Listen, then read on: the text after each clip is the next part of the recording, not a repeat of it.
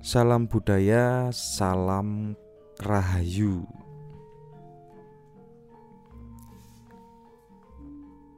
Saya akan menyapa dulu para pendengar eh, yang telah setia mendengarkan podcastnya Mas Heru Nugroho di channelnya Heru Nugroho Official. Semoga selalu diberi kesehatan dan rezeki yang berlimpah. Pada sesi podcast yang ketujuh ini, saya akan menceritakan figur seorang maestro pencipta gending-gending Jawa dan tembang-tembang Jawa yang sampai saat ini sampai zaman sekarang itu sudah banyak para seniman-seniman khususnya di Indonesia ini yang menyanyikan uh, lagu tembang-tembang yang diciptakan oleh beliau.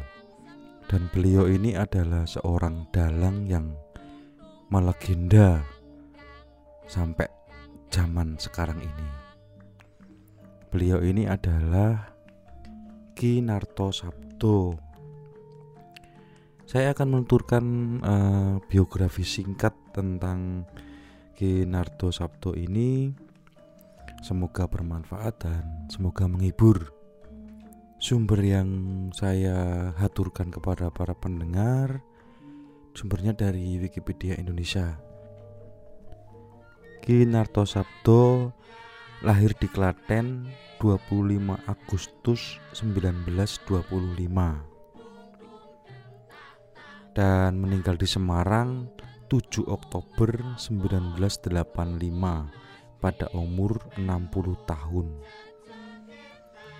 Beliau ini adalah seorang seniman musik dan dalang wayang kulit legendaris dari Jawa Tengah, Indonesia.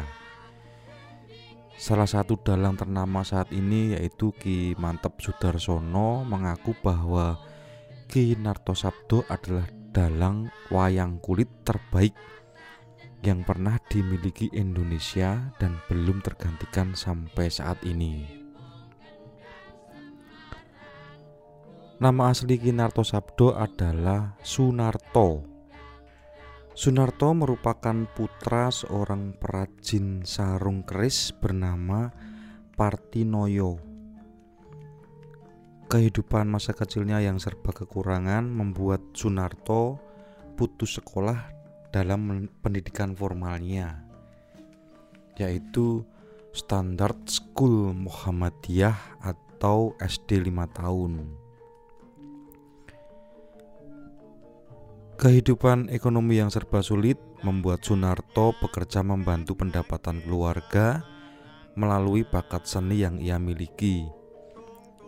Antara lain ia pernah menjadi seorang pelukis juga sebagai pemain biola dalam orkes keroncong Sinar Purnama.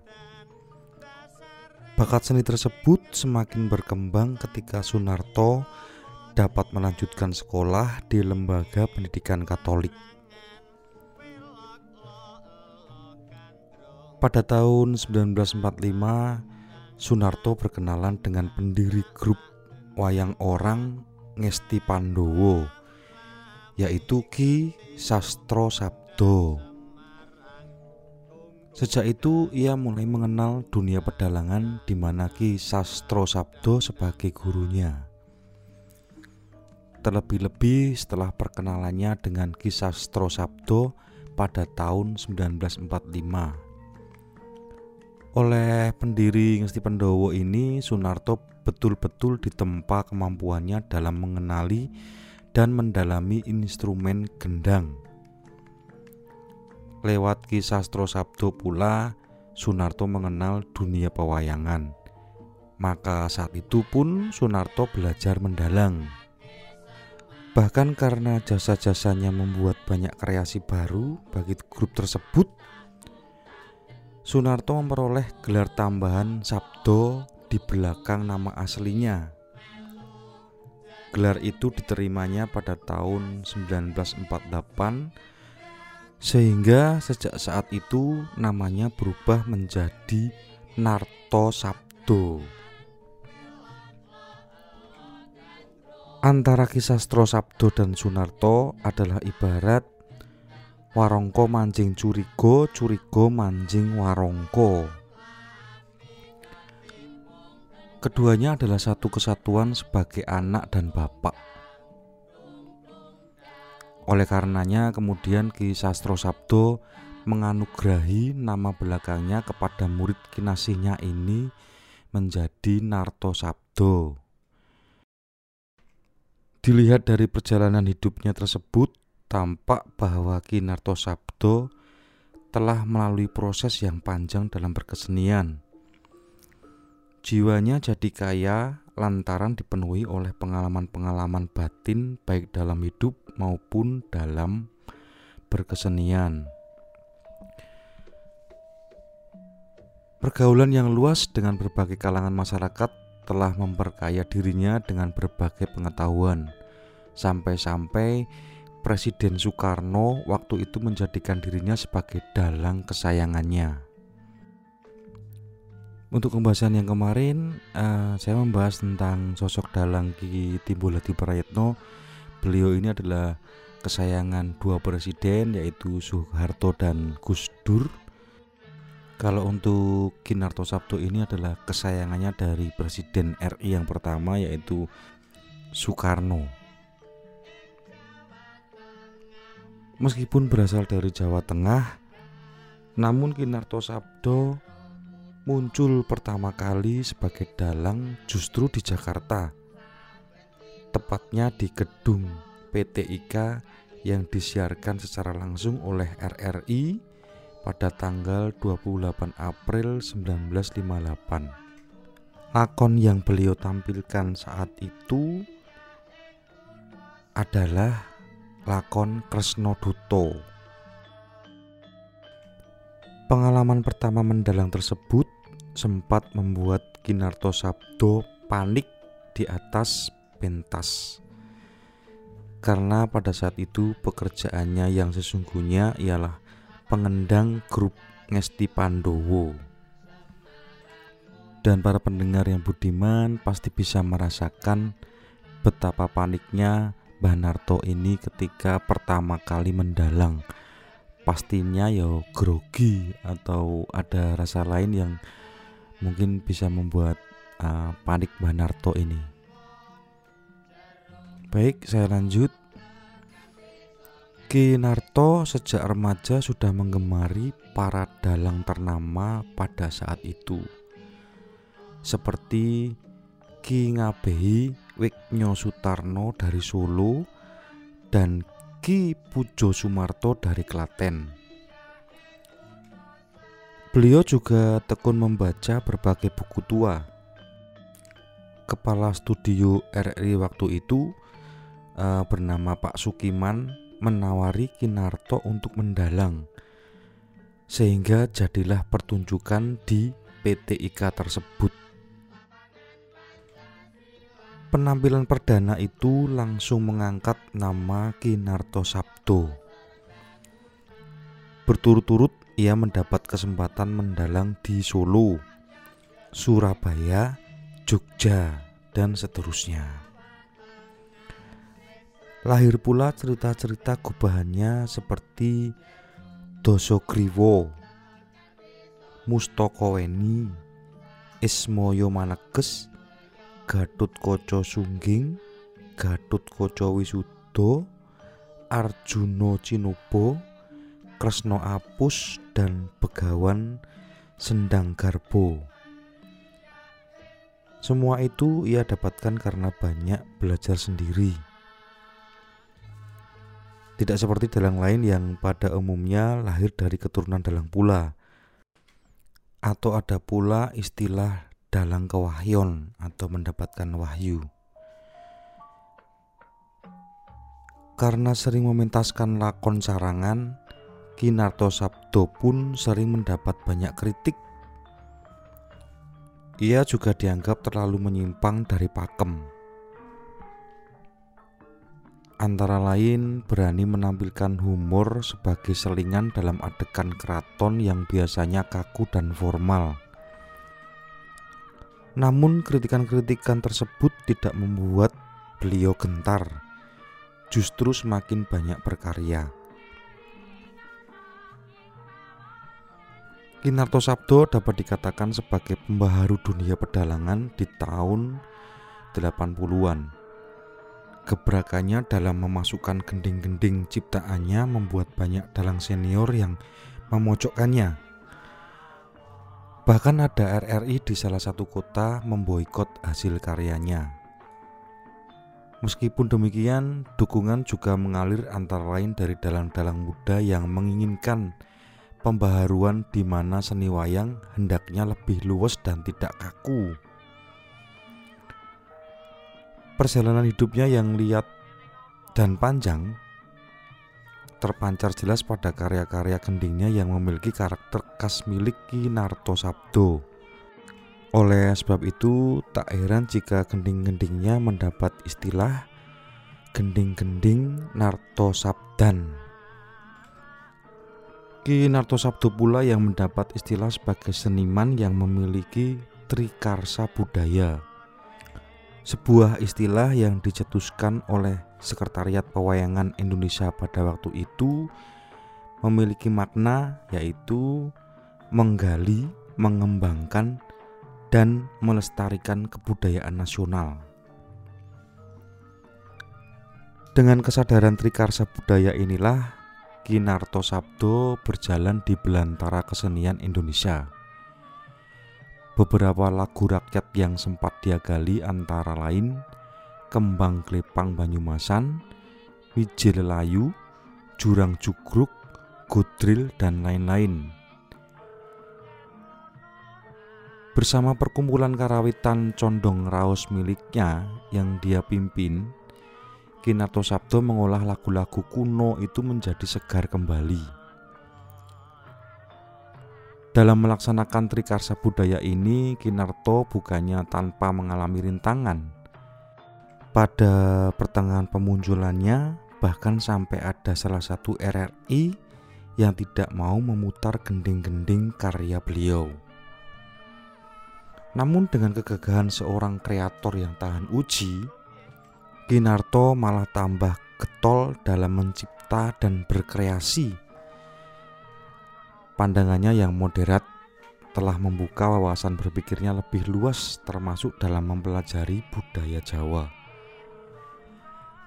Akhirnya, hampir pada setiap produk gending-gendingnya yang tersaji bersama perkumpulan karawitan Condong Raos segera saja meledak di pasaran Terlebih-lebih karena para dalang yang sepaham dengan Kinarto juga ikut mengembangkannya melalui seni pakaliran. Maka otomatis gending-gending Narto Sabdan ini makin memasyarakat. Sebut saja misalnya siapa yang tak mengenal gending Lesung Jemengglung atau juga gending 45 Ditambah lagi di tahun-tahun akhir menjelang kepergiannya, Kinarto juga menciptakan gending yang elok, yaitu wawasan identitas Jawa Tengah. Begitulah gending-gending Narto Sabdan akhirnya menjadi air deras yang tak dapat dibendung. Dia mengalir terus memapai waktu bahkan hingga kini. Sepertinya para seniman karawitan sepakat mengistilahkan karya-karya Gending Kinarto Sabdo dengan sebutan gending-gending Narto Sabdan. Betapa tidak dari dalam termasyur ini lahir ratusan karya gending yang menempatkan dirinya sejajar dengan seniman-seniman besar yang dimiliki oleh negeri ini. Selain sebagai dalang, Kinarto juga dikenal sebagai pencipta lagu-lagu Jawa yang sangat produktif melalui grup karawitan Condong Raos yang ia dirikan lahir sekitar 319 buah judul lagu atau lagon atau gending antara lain Caping Gunung, Gambang Suling, Ibu Pertiwi, Kelinci Ucul, Perahu Layar, ngundo layangan, dan rujak jeruk. Bukan cuma lantaran banyaknya jumlah karya yang telah dihasilkan sebanyak 319 gending, sehingga gending-gendingnya mendapat tempat yang istimewa di hati para seniman karawitan, budayawan, dalang maupun waranggono. Namun secara kualitas tampaknya memang belum ada kreator lain yang mampu menandinginya. Ini tidak berlebihan. Seperti yang penulis katakan di Wikipedia Indonesia ini, uh, beliau ingat menjelang pemberangkatan jenazah Kinarto dari rumah duka di Jalan Anggrek 10 dari penuturan Dalang Ki Anom Suroto, Ki Timbul, Nyi Suharti, mereka mengaku bukan cuma kagum terhadap karya-karya almarhum, namun juga merasa pernah menjadi murid baik secara langsung maupun tak langsung dari seniman besar itu. Adapun karakteristik yang terkandung di dalam gending-gending Narto Sabdan dapat ditandai lewat lagu-lagu maupun gendingnya yang berisi beberapa hal. Misalnya adanya unsur gergel seperti yang tertuang pada cakepan atau syair, lagu, dandang gulo situasi adanya wilet atau cengkok yang menunjukkan naik turunnya titik laras. Hal ini tampak betul pada setiap lagu yang memasuki interlude sigra. Hampir setiap lagon atau jenis gending yang terlepas dari Subo Kastowo, gending ketawang, ladran dan lancaran dan lain-lain di dalamnya terkandung unsur dinamis yang merangsang orang yang mendengar untuk hanyut dalam lagu-lagu tersebut sumber dari Wikipedia Indonesia.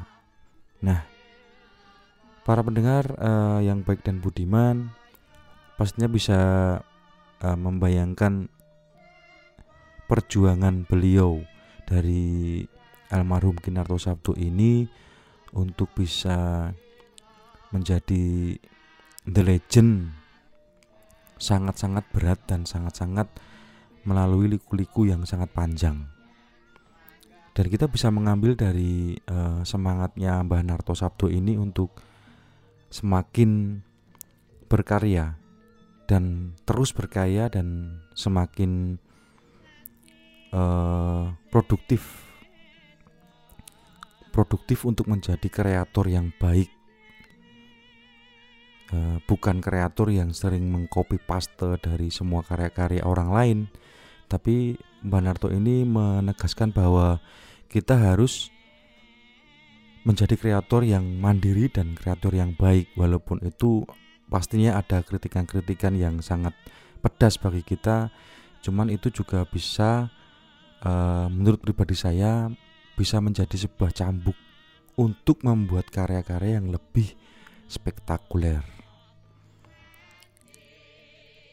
Berikut penuturan saya tentang cerita biografinya singkat dari Mbah Narto Sabdo atau Ki Narto Sabdo. Semoga bermanfaat, semoga menghibur, kita bisa mengambil dari sisi baiknya. Semoga untuk dalam bidang budaya karawitan dan dalam bidang pedalangan justru akan semakin maju untuk tahun-tahun yang akan datang. Selalu semangat para generasi-generasi muda uh, yang sekarang baru mencari jati diri. Banyak sekali contoh-contoh dalang-dalang dari senior-senior dari dalang-dalang yang masa-masa lalu menggambarkan betapa sengit dan seberapa apa ya perjuangan beliau-beliau ini yang sangat total totalitas dalam berkarya dan tentu saja dalam mengembangkan budaya Jawa khususnya di karawitan dan di dunia seni pedalangan. Kunjuk dongo kagem beliau Kinarto Sabdo semoga amal dan kebaikannya selalu diterima di sisinya. Terima kasih para pendengar yang budiman di channelnya Mas Heru Nugroho Official ini. Dan terima kasih juga sudah setia dalam mengikuti podcast-podcast biodata-biodata dalang-dalang senior yang ada di Indonesia. Ojo lali kopine ojo lali kekadangane sedulur salawase salam budaya salam rahayu matur nuwun